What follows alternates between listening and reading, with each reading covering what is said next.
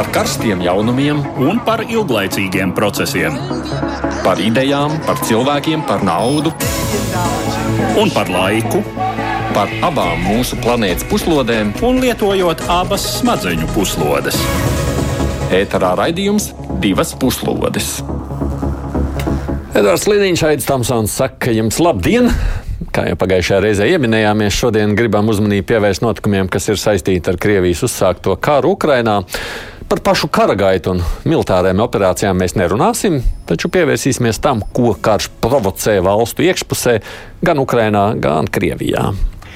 Mums lieldienas ir pagājušas, bet pareizticīgo baznīcai tās būs šajā nedēļas nogalē. Ukrainā svētki tiek sagaidīti spriedzes pilnā gaisotnē. Pēdējās nedēļas iezīmējušas nepārprotamu pretstāvi ar Maskavas patriarchāta Ukrainas pareizticīgo baznīcu. Tai liek pamest vairākas svētvietas, bet viens no metropolītiem nonācis mājas arestā. Notiekošais raisīs histēriju Krievijas propagandas kanālos. Vispār, ja runājam par Krievijas propagandistiem, arī viņu vidū aug spriedze. Pēc tam, kad Pēterburgā tika uzspridzināts militārais blogeris Vladlēns Tatārskis, tagad tik vienam no viņiem jāsāk uztraukties par savu dzīvību. Tāpat kā uz nāža asmeni staigā tie daži žurnālisti, kurus vēl algo starptautiskie mediji. Wall Street Journal žurnālisti arests Maskavā rāda, ka viņus var savākt jebkurā brīdī, bet politiskā opozīcija visa šobrīd faktiski ir jau vai nu cietumā vai ārpus Krievijas.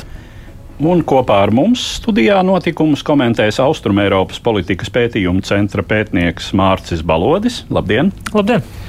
Un savukārt no Ukrainas caur Zoom platformu mums pievienojas politologs Veiko Spolītis. Sveiks, Veiko! Labdien, jums Rīgā! Nu, tā kā Spolīšs kungs te pieminēts ir Ukrainā, tad sāksim vispirms ar notikumiem no turienes. Pēdējā mēneša laikā jaunu spriedzes līmeni sasniegušas attiecības starp patriotiski noskaņoto Ukraiņas sabiedrības daļu un tiem, kuri atbalsta ar Maskavas patriarchātu saistīto pareizticīgo baznīcu Ukrainā. Kā zināms, 2019. gadā tika izveidota no Maskavas patriarchāta neatkarīga Ukrainas pareizticīgā baznīca, un Konstantinopolis patriarchāts kā augstākā pasaules pareizticības autoritāte atzina tās autokefāliju. Tas izraisīja attiecību saraušanu starp Konstantinopolis un Maskavas patriarchātiem. Šobrīd autokefālo Ukrainas pareizticīgo baznīcu ir atzinušas četras no 15 pasaules autokefālajām pareizticīgajām baznīcām - Aleksandrijas, Grieķijas un Kipras. Pašā Ukrainā liela daļa pareizticīgās baznīcas palika Maskavas patriarchāta kanoniskajā pakļautībā pie kam ticīgo vairākums pārgāja autokefālās baznīcas paspārnē, bet dievnamu un garīdznieku skaita ziņā pārsvars joprojām ir Maskavas uzticīgajiem. Pēc Krievijas plaša mēroga iebrukuma Ukrainā pagājušā gada 27. maijā Maskavas patriarchāta baznīca mainīja statūtus, izslēdzot no tiem atsauces uz savu kanonisko pakļautību. Tomēr pēc Ukrainas etnopolitikas un reliģijas lietu dienesta atzinuma tā uzskatāma tikai par neatkarības imitāciju. Ir daudz gadījumu, kad šīs baznīcas pārstāvi sadarbojušies ar okupācijas varu Krievijas karaspēku ieņemtajās teritorijās. Aizdoma ēna krīt arī pār tiem, kuri darbojas šaipus frontes līnijai. Šī gada 10. martā Ukrainas Nacionālais rezervāts Kijavas Pečeru klosteris, kas apsaimnieko šo 11. gadsimtā dibināto pareizticības centru, pārtrauca nomas līgumu ar Maskavas patriarchāta pareizticīgo baznīcu. Tomēr šīs baznīcas pārstāvi, garīdznieki un mūki atteicās atbrīvot telpas un mobilizēja savus piekritējus svētnīcas aizstāvībai. Tiesa aktivitātes sāka noplakt pēc 1. aprīļa, kad tika izvirzīta apsūdzība reliģiska naida kurināšanā un noteikts mājas arests to galvenajam organizētājam Pāvelam Ļebiķevam, tautā pazīstamam ar iesauku paša Mercedes. Tomēr Ukrainas varas iestādes deklarējušas nodomu Pečera klosturī visu risināt mierīgā ceļā. Toties daudz aktīvāk rīkojas autokefālās baznīcas atbalstītāji Ukrainas rietumos - Hmeļinskas, Ivano-Frankivskas un Ļvivas rajonos.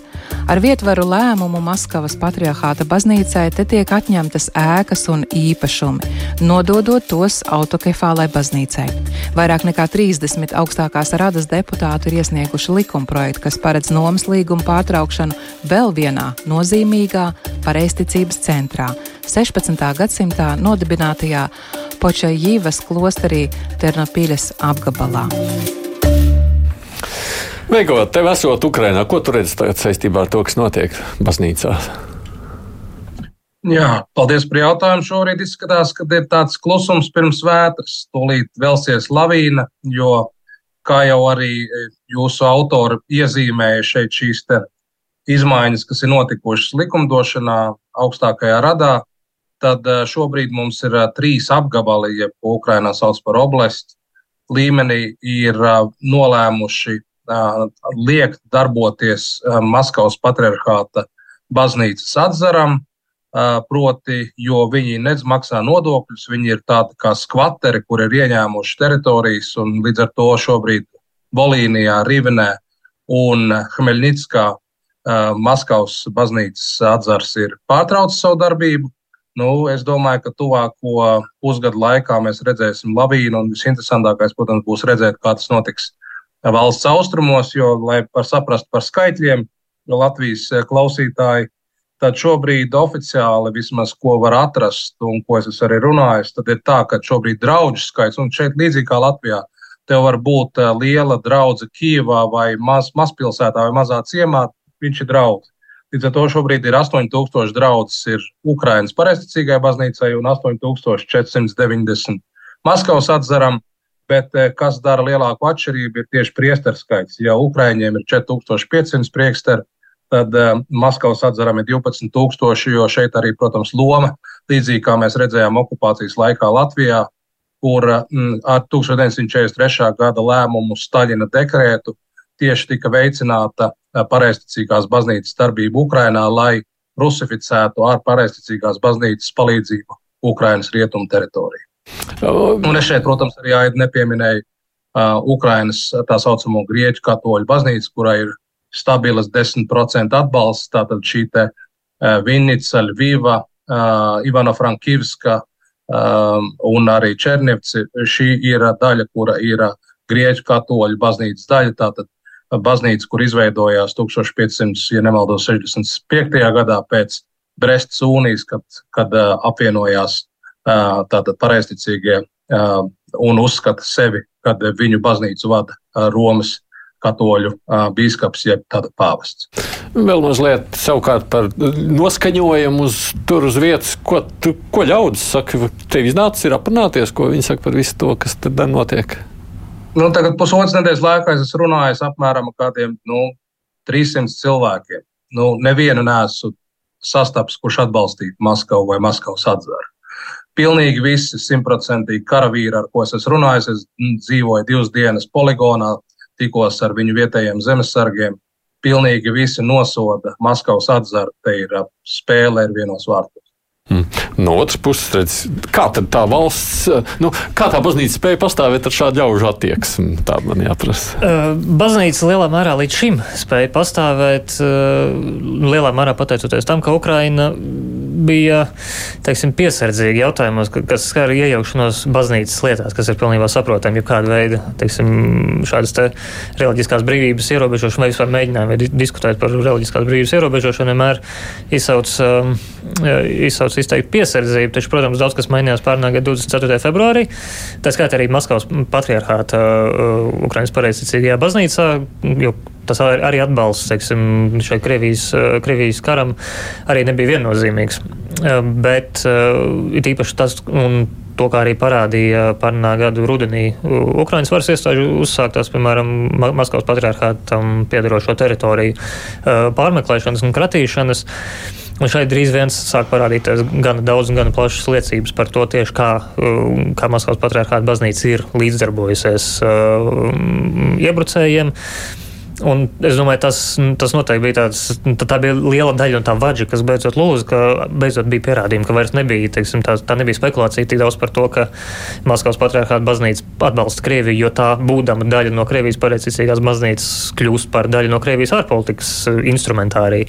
Bet šeit bija jau, jau bija konkrēti piemēri, konkrēti arī vārdi un uzvārdi personām, kuras, piemēram, arī tajā pašā Bučas pilsētā bija palīdzējušas Krievijas eh, bruņotajiem spēkiem īstenot zvērības, un es domāju, tas lielā mērā tieši kalpoja par šo kritiskos masas punktu. Nu, proti, tas ir tas iemesls, kāpēc tikai tagad, jo gal galā karš sākās jau pirms vairāk nekā gada, un liekas, varēja jau tās vadas lūst ātrāk. Varēja lūst ātrāk, bet es atcerēsimies to, ka, lai gan teiksim, šī te kara otrā fāze teiksim, sākās pārnā gada 24. februārī, tomēr pirmos mēnešus Ukrainai bija krietni teiksim, aktuālāk un, un jūtīgāk mm. jautājumi, kur bija jārisina uzreiz. Tā bija tūlītēja valsts izdzīvošana.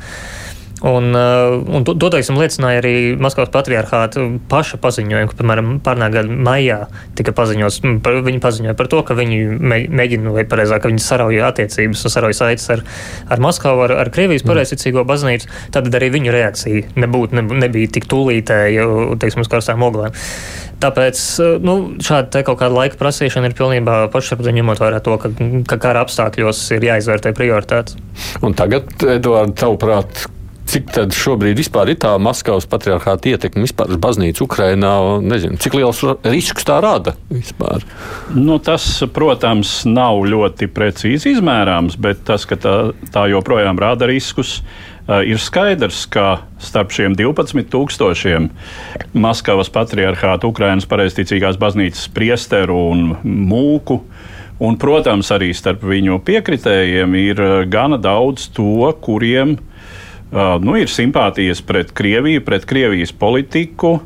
Uh, un uh, kuri arī labprāt uzska, uzklausa, kad viņiem, nu, ne nu gluži no kanceles, ja, mm. sludina, bet es domāju, ka šiem pareizticīgajiem mm, draudzes ganiem ir gana daudz iespēju tomēr uzrunāt tā vai citādi savus līdzcilvēkus, apkārtējos, savus draugus locekļus. Uh, un nest šo vēstījumu. Nu, ir, uh, ir pamatotas aizdomas, nu, tie, teiksim, tie īlēni no maisa ir palīduši, kā jau kolēģis teica, visnotaļ daudz. Uh, sākot ar ļoti konkrētām situācijām, kad ir pat nu, jā, piedalīšanās, piedalīšanās kara noziegumos, Krievijas okupācijas varas orientēšana, uh, Ukrainai labvēlīgu Ukrainas patriotu uzrādīšana okupētajās teritorijās artērijas uguns korģēšana dažos gadījumos mm. un tā tālāk. Tā tālāk. Veikals, runājot par šo, no vienas puses nav jau tā, ka tur vairs nav neviena baznīcā gājēja. Redzam, televīzijas ekrānos arī tās sadursmes, kas te vēl bija pagājušā pupoles svētdienā, tad, tad tur ir pietiekoši arī savi draudzes cilvēki, kas joprojām iet uz šo baznīcu, kas nu, kā, vismaz formāli saka, ka viņi vairs nesot zem Maskavas patriarchāta. Tas nozīmē, ka ļaužu.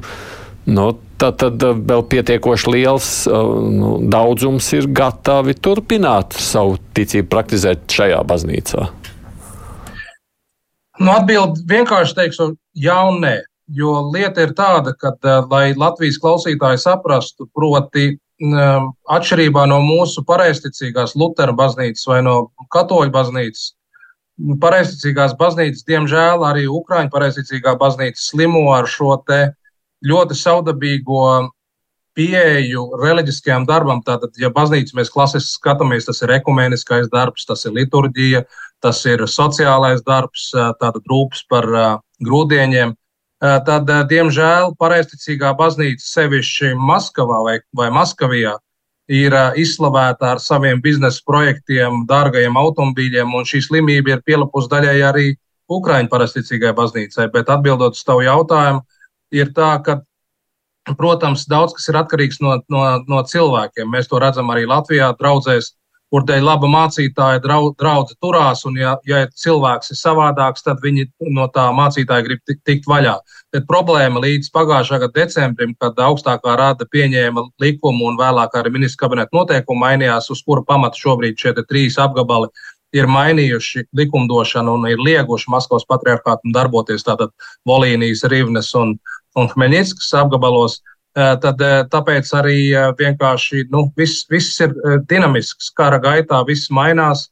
Un patiesībā ir apmēram 4%, kas šobrīd oficiāli atbalsta Matra, Maskavas patriarchātu, kas ir gada laikā, kopš karš ir sācies, ir kritums no 20%. Tas vienkārši ir salīdzinoši. Viens fakts, kas uh, izraisīja uh, šo uh, Maskavas patriarchāta pareizticīgās baznīcas Uh, noliekšanu Ukrainas rietumos bija konkrēts gadījums, kad tika piekauts Ukrainas bruņoto spēku karavīrs, kurš bija uniformā iegājis pareiztic, Maskavas patriarchāta pareizticīgās baznīcas templī, un viņam metās virsū neviens cits, kā tā sacīt, kristīgo mīlestību sludinošie uh, garīdznieki, priesteri, jā, un viņu pamatīgi, cik var saprast, piekāva. Kā veiko, ko tu gribi piebilst?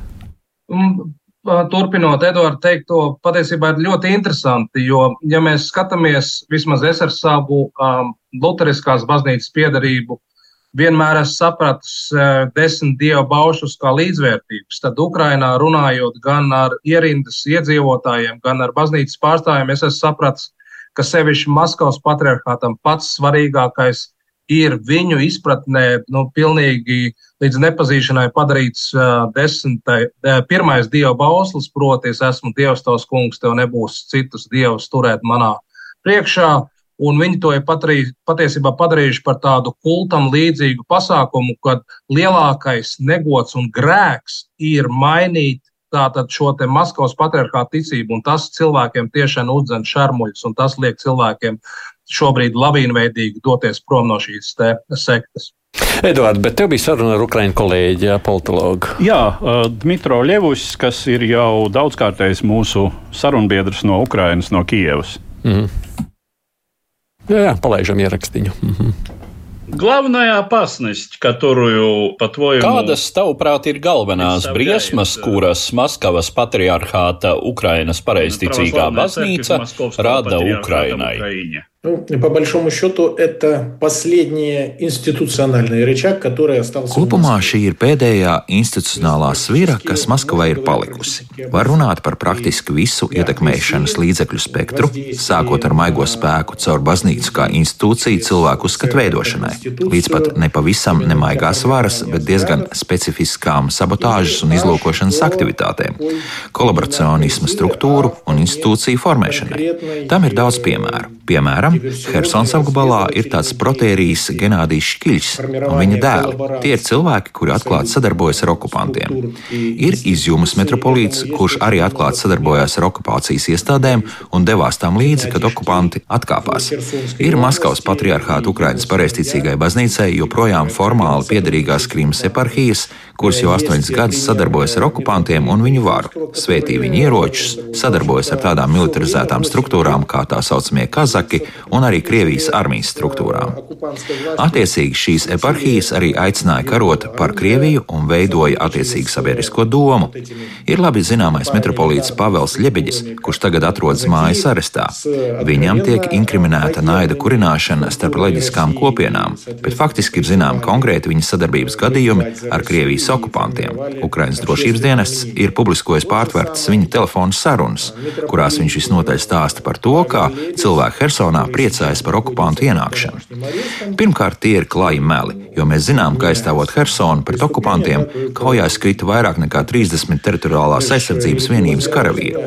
Tātad no baznīcas kanceles tiek veidots pozitīvs viedoklis par Krievijas okupāciju. Amerikas Kara izpētes institūts vēsta, ka okupētajās teritorijās tiek vajāts reliģiskās kopienas. Pirmkārt, tā ir autekefālā Ukrainas pareizticīgā baznīca, otrkārt protestanti un arī Jehovas liecinieki. Islāma kopienas viņi cenšas piedzīt Krievijas standartiem. Kad Ukraiņas pareizticīgā baznīca, citas kristīgās konfesijas tiek represētas, viņu vietu tur ieņem Krievijas pareizticīgā baznīca. Tāpat šai baznīcai ir iespēja ietekmēt ierēģus, jo tās metropolīts, sevišķi, ja ir runa par tādiem Ukraiņas vēsturē ievērojamiem centriem kā Kīivas Pečera klosteris, automātiski pieder pie augstākajām aprindām. Vēl jāņem vērā fakts, ka visiem augstākajiem šīs denominācijas hierarhiem ir Krievijas pases, kaut vai metropolīta Onofrija gadījums, pie kura tika atrasts Krievijas pases, gan ārzemju, gan iekšzemes pase. Viņš pats ir dzimis Černivcu apgabalā Bukovinā un līdz 1982. gadam kā mūks un vēlāk garīdznieks kalpojis Krievijā, bet pēc tam pārvācies uz Ukrajinu.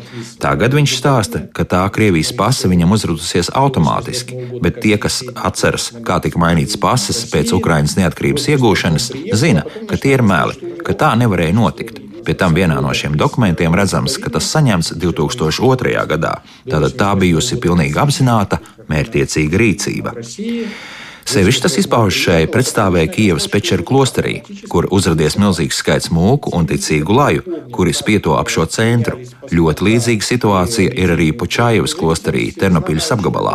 Tas norāda, ka šai institūcijai pašā tās kodolā ir ievirze sadarboties ar Krieviju, visādi virzīt tās intereses, un tā ir naidīga pret Ukraiņas valsti un galvenais pret Ukraiņu identitāti.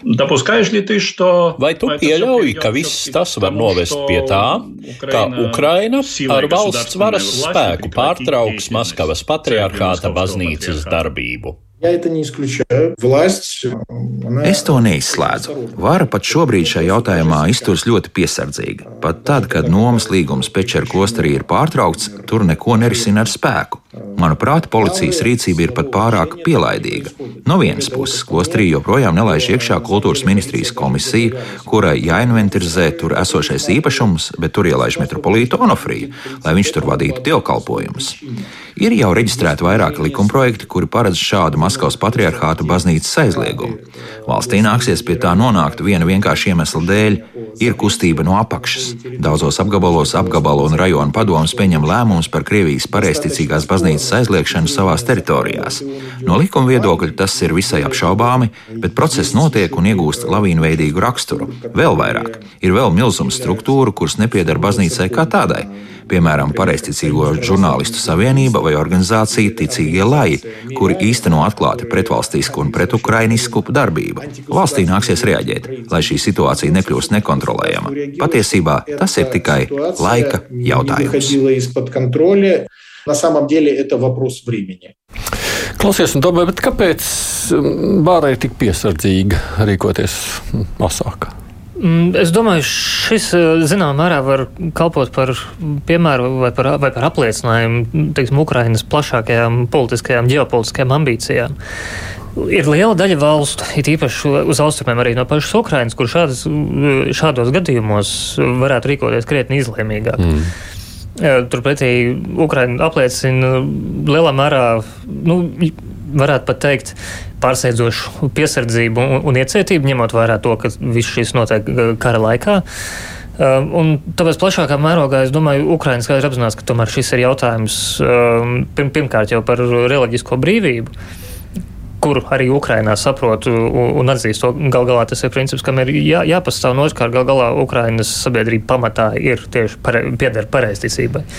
Un uh, šeit tomēr tā vai citādi Ukrainai ir jārēķinās ar to, ka sabiedrībā vismaz daļa, kā arī iepriekš dzirdējām, vismaz daļa zināmā mērā var identificēties ar šo te Maskavas patriarchātu vai vismaz kaut kādā mērā uh, sevi ar to saistīt un tad atklāta brutāla spēka pielietošana. Eh, šobrīd Ukrainai nepalīdzēs labi izskatīties ne pašai savu iedzīvotāju vidū, nedz arī uh, citu, uh, citu valstu vidū, īpaši ja runājam par valstīm, kurām, no kurām Ukraina lielā mērā ir militāri atkarīga šobrīd. Un kāds tad var turpināties? Nu, es domāju, ka tas tur, to turpinājumu noteiks tomēr noskaņojums sabiedrībā. Un tas process visdrīzāk, nu, skatoties uz to pilnīgi no malas, bet nav iemesla neticēt, eh, neticēt Mitroļevusam, kurš saka, ka um, nu, šim procesam varētu būt lavīnveidīgs raksturs. Tas, protams, sākas primāri rietumos, kur uh, patriotiski Ukrainai, Ukrainas nacionālie, tā skaitā etniski nacionālie noskaņojumi ir visspēcīgākie.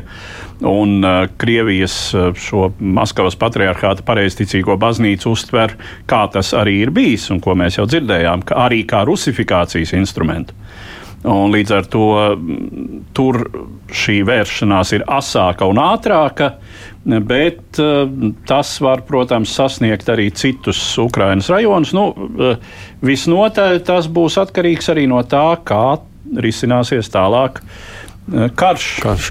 Veikau, tu teici, ka šis ir tāds klusums pirms vētras. Ko tu domā ar to gaidāmo vētru? Nu, ļoti labi, ka mēs nezinām uh, Ukrainas uh, virspavēlnieka lēmumu, kurā brīdī tas viss sāksies, bet eh, nu, šobrīd runājot ar karavīriem un zinot, kā viņi tiek plānoti būt nosūtīti uz fronti, te no aizmugures, tad izskatās, ka uh, māja pirmās nedēļas līdz vidum ies vaļā. Uh, novēlam Ukrainas karavīriem veiksmi cīņā pret okupantiem. Ko tu citu vairs šeit pateiksi, jo nu, tā sabiedrības noskaņa ir pilnīgi skaidra. Uz ielas runājot ar jebkuru, nu, man tiekoties arī ar karavīru atraitnēm, tiekoties ar viņu bērniem. Nu, viens, viens teikums, kas izskanēja caur caurēm, tā cena par šo neatkarību no Maskavijas agresijas ir ļoti dārga asinīm samaksā. Vienīgais, nu, tāda mēs droši vien iesim uz Krieviju skatoties. Nu, Krievija tur histērija tajā pieteikumā rakstījām, ne, ka tāda veidojās Maskava, ako Maskava. Nu, šajā gadījumā viņiem nav īsti daudz ietekmes, ir, ko viņi var mēģināt likt lietā. Um, jo viņi skaidri gaiši saprot to, ka Ukraina vismaz lielā mērā viņa noskaņojums attiecībā Mas pret Maskavas patriarchātu ir skaidrs.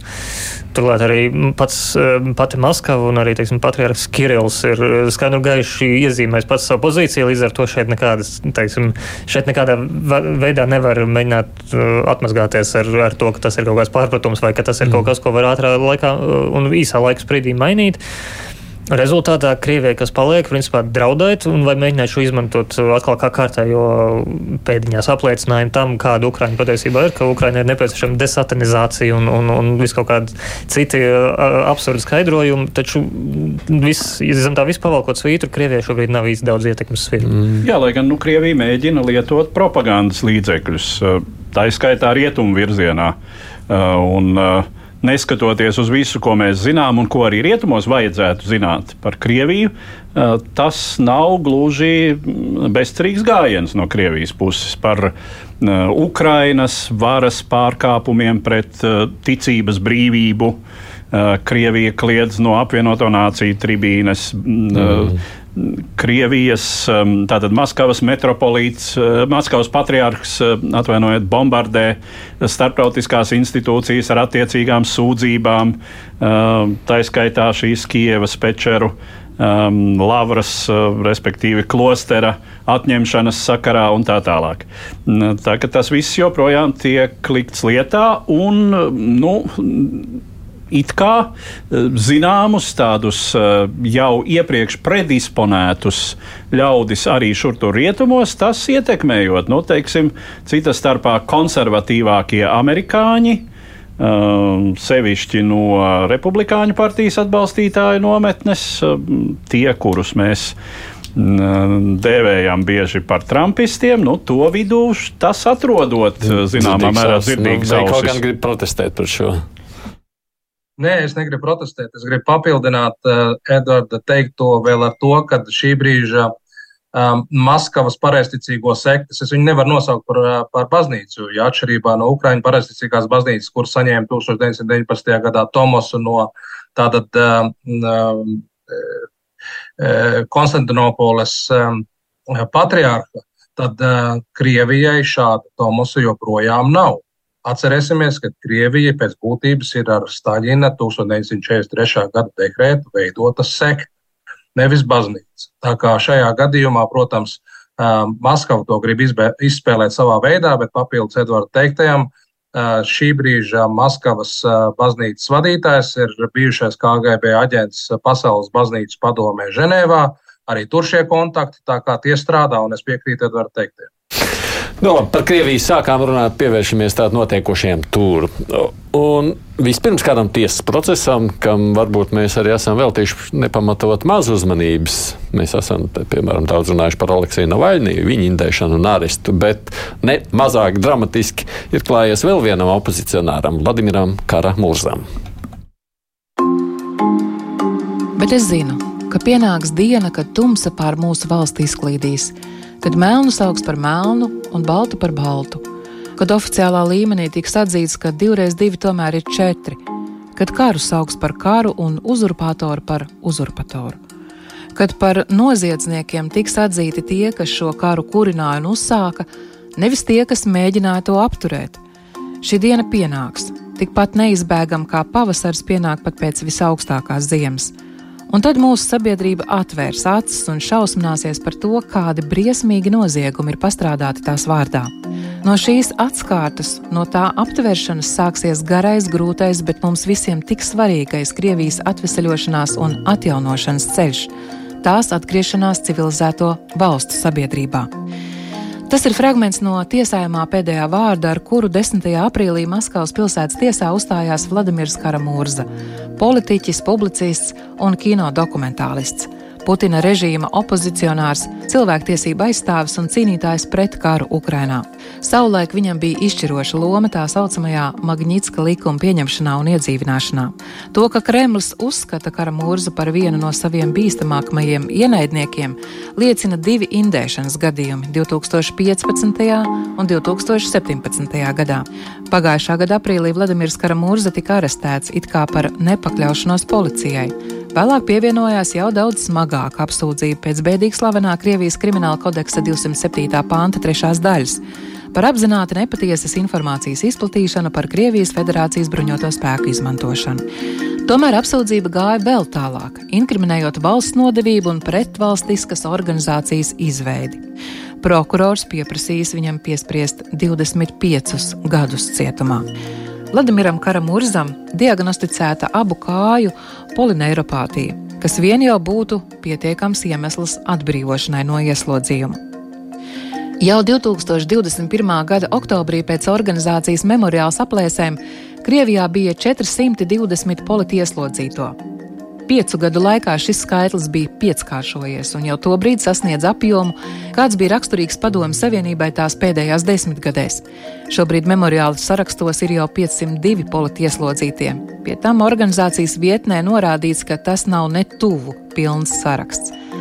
Lielākā daļa, 385 politieslodzītie Krievijas cietumos, atrodas savas reliģiskās pārliecības dēļ.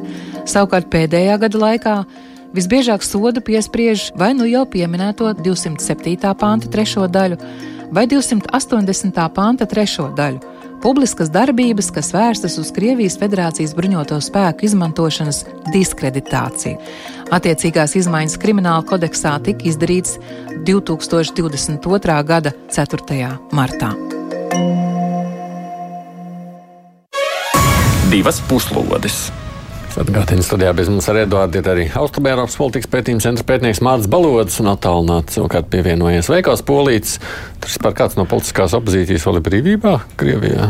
Uh, Krievijā, teiksim, nu, varētu teikt tā, ja kāds vēl ir brīvībā, ir īpaši no tiem, kurus Kremlis pamatot, teiksim, uzskatīt vēl par saviem, par saviem draudiem vai par faktiski par ienaidniekiem, tad ja viņi vēl ir brīvībā, tam garantijas uh, ilgtermiņā vairs nav jā, nekādas. Uh, tādā ziņā, uh, kā ar mūža sprāvu, teiksim, skaidri un gaiši, vēl, ja gadījumā vēl bija palicis kāds, kurš nebija līdz galam pārliecināts par to, ko un kā Kremlis ir gatavs rīkoties ar, ar tiem, kurus uzskata par, par sev bīstamiem, tad šeit 25 gadu apsūdzība un 25 gadu piesolīšana par, par, savu, par savu pārliecību un par savu mugurkaulu, tas ir principā pēdējais apliecinājums Kremlim. Bet 25 gadi. Vispār pats par sevi. Ar ko viņš tik bīstams? Tieši viņš. Kāpēc viņam? Nē, nu viņš ir ļoti zināms starptautiskās aprindās. Viņš ir uh, zināms arī Krievijas politiskajās aprindās. Uh, cilvēks ar pārdesmit gadu politiskās darbības stāžu. Uh, viņš ir vienmēr bijis ļoti konsekventi kritisks Putina režīmam. Uh, un, uh, Divreiz indēts. Uh, cietumsots krietni lielāks nekā Navaļnijam. Tāda sajūta, ka viņš ir krietni bīstamāks par Navaļniju. Viņš tiek tiesāts, teiksim, varas.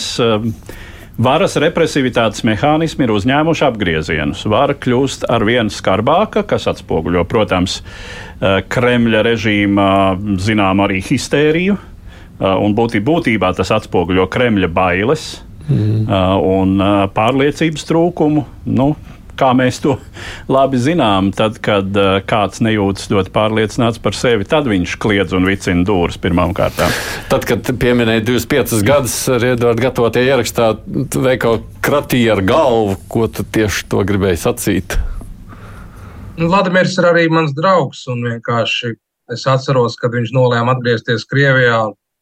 Vairāki viņa draugi mēģināja teikt viņam tomēr nedarīt to, Un tā viņa pārliecība, protams, tā ir um, abrīnas vērta, bet nu, ar šo režīmu, kas atrodas mums aiz zilupas uz austrumiem, nu, joki ir mazi. Un Līdz ar to nu, grūti ir skatīties, grūti ir kaut ko pateikt. Vienkārši sirds kam, kamolā sametās kaklā. Man starp, citu, man starp citu arī bija šorīt agri no rīta sirds drusku kaklā, kad es sazvanījos ar, ar Vladimira Karamūrzas sievu, nu, atvainojos, mazliet uzurpēju tavu funkciju un piesaku jā, jā, sarunu. Piesaki, jā. Šobrīd tā tad Jevgeņija Karamurza, kura kopā ar saviem trīs bērniem šobrīd uzturas Vašingtonā, viņai par laimi izdevās pietiekami saulaicīgi pamest Krieviju. Viņi tur darbojas tādā organizācijā Free Russia Foundation, un mēs šorīt sazvanījāmies. Kāpēc Vladimirs nepameta Krieviju, kaut bija saprotams, ka vāra pret viņu vērsīsies? Володя всегда идентифицировал себя как... Володя sevi vienmēr ir uzskatījis par Krievijas politiķi. Viņam bija svarīgi uzturēties Krievijā. Viņš uzskatīja, ka nav tiesīgs aicināt cilvēkus paust savu neapmierinātību un protestēt, pašam atrodoties citur. Viņš bija pārliecināts, ka viņam ir jāuzņemas tie paši riski, ar kuriem saskaras ik viens Krievijā. Mēs redzam, kā režīms tagad izmanto visu to sodu arsenālu arsenālu, kuru savulaik lietoja padomju režīms. Tā ir gan tiesu psihiatrija, gan seksuālā vardarbība, gan vecāku tiesību atņemšana tiem, kuri varasprāt nespēja izaudzināt bērnus par īsteniem patriotiem, gan Staļina laika cietumsoda termiņi, kas tiek piespriesti par protestiem pret karu. Visticamāk, mans vīrs saņems prokurora piespriesto soda mēru 25 gadi cietumā. Tas pat vairs nav soda soda mērs, kādu piesprieda padomju disidentiem 60. un 70. gados. Tie jau ir Staļina laiki. Bet Valoģis darbi nekad neatšķīrās no vārdiem. Viņš vienmēr uzskatīja, ka pārmaiņas Krievijā var veikt tikai Krievi paši. Tāpēc viņš uzskatīja, ka viņam ir jāpaliek valstī un jāuzņemas tie paši riski.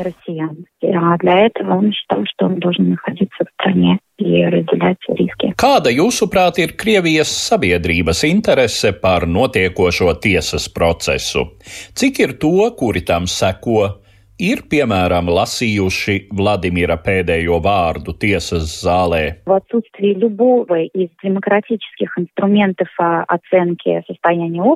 Kad nav iespēja izmantot jebkādus demokrātiskus instrumentus, lai konstatētu noskaņojumu sabiedrībā, es runāju gan par vārda brīvību, gan vēlēšanu brīvību, gan pulcēšanās un biedrošanās brīvību, tad nav skaidrs, kā to var izmērīt. Spriest mēs varam zinām tikai pēc kaut kādām otršķirīgām pazīmēm. Piemēram, Krievija pagājušajā gadā bija otrajā vietā pasaulē no jauna uzstādīto VPN pieslēguma ziņā. Šobrīd visi politiskie tiesas procesi Krievijā notiek sabiedrībai slēgti. Valoģis gadījumā viss notiek tikai aiz slēgtām durvīm. Viņam pat tiesā bieži neļauj izteikties, tiesnesis viņu pārtrauc burtiski, uz viņu kliedz. Žurnālistus un atbalstītājus vispār neielaiž tiesas namā. Kā skaidroja tiesas izpildītāji, tas tāpēc, lai žurnālisti nenoklausītos aiz durvīm. Tātad viss notiek maksimāli slēgtā režīmā, bet publiskajā telpā tiek darīts viss, lai tādus cilvēkus kā Valoģa parādītu kā kriminālu noziedzniekus vai jukušus, vai arī nodevējus. либо уголовников, либо сумасшедших, nu, либо предателей шпионов. Kā rietumu institūcijas var atbalstīt Vladimiru šai situācijā? И моему мужу сотням Gan manam vīram, gan simtiem politieslodzīto visvairāk nepieciešams solidaritātes atbalsts no rietumu sabiedrības, kuras sastāvdaļa viņi ļoti grib kļūt. Vienīgais instruments, kas mums ir, ir publicitāte. Stāstīt par to, kas notiek valstī. Lai valsts varētu turpināt ārējo agresiju, tai ir jāapspiež jebkāda protesta kustība iekšpusē. Tai nepieciešams pasaulē parādīt izkropļoto ainu, ka visa Krievijas sabiedrība atbalsta Putinu un viņa karu. Protams, tādā situācijā, kādā ir nonācis mans vīrs un simtiem politieslodzīto, viņiem ir svarīgi apzināties, ka viņi nav palikuši viens pret vienu ar šo režīmu. очень важно понимать, что они не один на один с режимом. Kas jums pašai šobrīd ļauj izturēt un nezaudēt gara spēku? Володе помогает. Володя и дети, Voloģija palīdz, arī bērni. Es esmu mamma, tāpēc es nedrīkstu sabrukt. Arī 2015. gadā un 2017. gadā pēc indēšanas es redzēju, cik bērniem ir svarīgi apzināties, ka mamma tiks galā. Bet Voloģija tāds ir, viņš vienmēr man ir atbalstījis. Kaut arī viņš ir krātiņā, viņam draud 25 gadi, kaut arī viņa kājas jau pārstāja klausīt. Viņš spēja tikai šļūkāt, kreiso roku viņš jau gandrīz vairs nevar pakustināt. Arī tad viņš vēl spēja citus uzmundrināt un iedrošināt. Mani arī. Es apzinos, ka man ir paveicies dalīt savu dzīvi ar tādu unikālu cilvēku, ar principiālu cīnītāju. Tādi cilvēki kaut ko maina. Tie, kas sēž divānā un žēlojas par apkārtējo pasauli, tie pārmaiņas nerada. Bet cilvēki, kas atsakās padoties, lai arī kas notiktu, maina pasauli uz labāku. Man ir paveicies, ka es ar tādu cilvēku varu būt kopā. Мир меняет к лучшему. Мне повезло, я с таким человеком делю жизнь. Tad ļoti skaisti vārdi no sievas, bet uh, tiešām tāda cilvēka Krievijā, kā Karmūrs, var kaut ko tiešām tur vēl mainīt uz labu. Uh. Tāda cilvēka kā Karmūrs ir nepieciešama, lai kaut ko mainītu. Jo tas, ko Karmūrs ir neapšaubām pierādījis, tā ir pašaiz, pašaizliedzība idejas vārdā un, un, un kaut kā vairāk. Jo, ņemot vērā to, ka viņš ir politiķis, teiksim, tā strikts pēc politiskās izdzīvošanas loģikas skatoties, viņš varēja, mm -hmm. viņam absolūti nebija pamata doties uz Krieviju, un viņš būtu varējis mierīgi dzīvot, dzīvot dzīvi kopā ar, ar sievu un bērniem. Bet tā vietā viņš saprot, ka tomēr ir, ir lietas, kas ir svarīgākas vienkārši par, par politiskās karjeras veidošanu vai, vai politisko izdzīvošanu. Ilgtermiņā tomēr ir, ir principi, un, un uh, viņš Tādā ziņā viņš bija gatavs teiksim, upurēties un, un, skaidri apzinoties ar, ar to, kas, kas viņam par to draud. Un, lai atbildētu jā, uz jautājumu, gal galā, lai Krievijā kaut ko mainītu, viens no faktoriem vai viens no apsvērumiem, kas būs nepieciešams, viena no sastāvdaļām ir tieši cilvēki, kuri, kuriem ir tomēr šāda arī misijas apziņa, ja to var tā nosaukt. Jā, tas jautājums par to, vispār kādas cerības, ka priekšpusē kaut kas tā briest vai ne, un ka kādā brīdī tur kāds Putina var nomest lūki vai. Jā, nu mums Zināmā mērā ir tā ērtā izvēle, ka mēs varam teikt, nu, Krievijā nekas nemainīsies, uzcelsim pēc iespējas augstu mūri gar robežu, un lai tad viņi turēs zilupes savā sulā ar tā sacīt kādu Ķīnas mērces piedevu vārās. Mm -hmm. Dievs ar viņiem, tas uz mums neatiecas. Nu, pirmkārt, protams, tā ir ilūzija. Globalizētajā pasaulē uz mums attiecas viss, vēl jau vairāk tas, kas notiek burtiski tepat līdzās aiz zilupes. Tāpēc arī mums, protams, būtu jāorientējas, lai cik arī šīs cerības šobrīd šķiet neīstenojamas katrā ziņā tuvā perspektīvā, bet arī mums būtu jā, jāorientējas uz tiem Krievijas attīstības scenārijiem, kas paredz uh, kaut kādu šīs valsts pavēršanos civilizētā, tiesiskā, rietumnieciskā virzienā. Un tādā ziņā, protams, uh, mums ir, uh, mums ir jādara viss iespējamais, lai atbalstītu lai darītu to, ko Jevģīnija Karamurza arī uzsvēra, tātad izrādīt solidaritāti. Lasot to, ko Vladimirs Karamurza teica savā pēdējā vārdā, um, es pieķēru sev pie domas, ka es kaut ko ļoti līdzīgu esmu kaut kur jau lasījis, un tad daļa arī atcerējos, ka Gunārs Astras uh, pēdējais vārds ir ļoti līdzīgs savā intonācijā, metaforu izvēlē. Man, man ir tāda sajūta, bija tieši klausoties to visu. Nu, Tu redzi, vai kaut kādu jēgu no šīm nu, tādām nu, apzinātām iešanām cietumā uz ilgiem laikiem, nu, vismaz šķietam ilgiem laikiem? Ticība mirst pēdējā.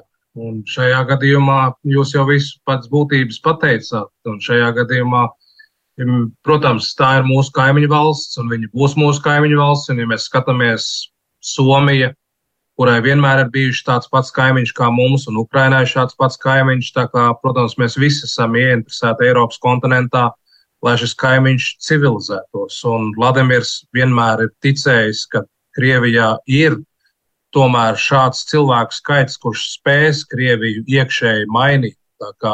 Mums, līdzīgi kā Vladimiram, atliek ticēt, ka tas notiks, bet tajā pašā laikā es piekrītu Edvardam, ka mums ir šis luksus, ka mēs varam tomēr sakārtojot savu mājokli Latvijā, tomēr skatīties no malas un palīdzēt visādā veidā.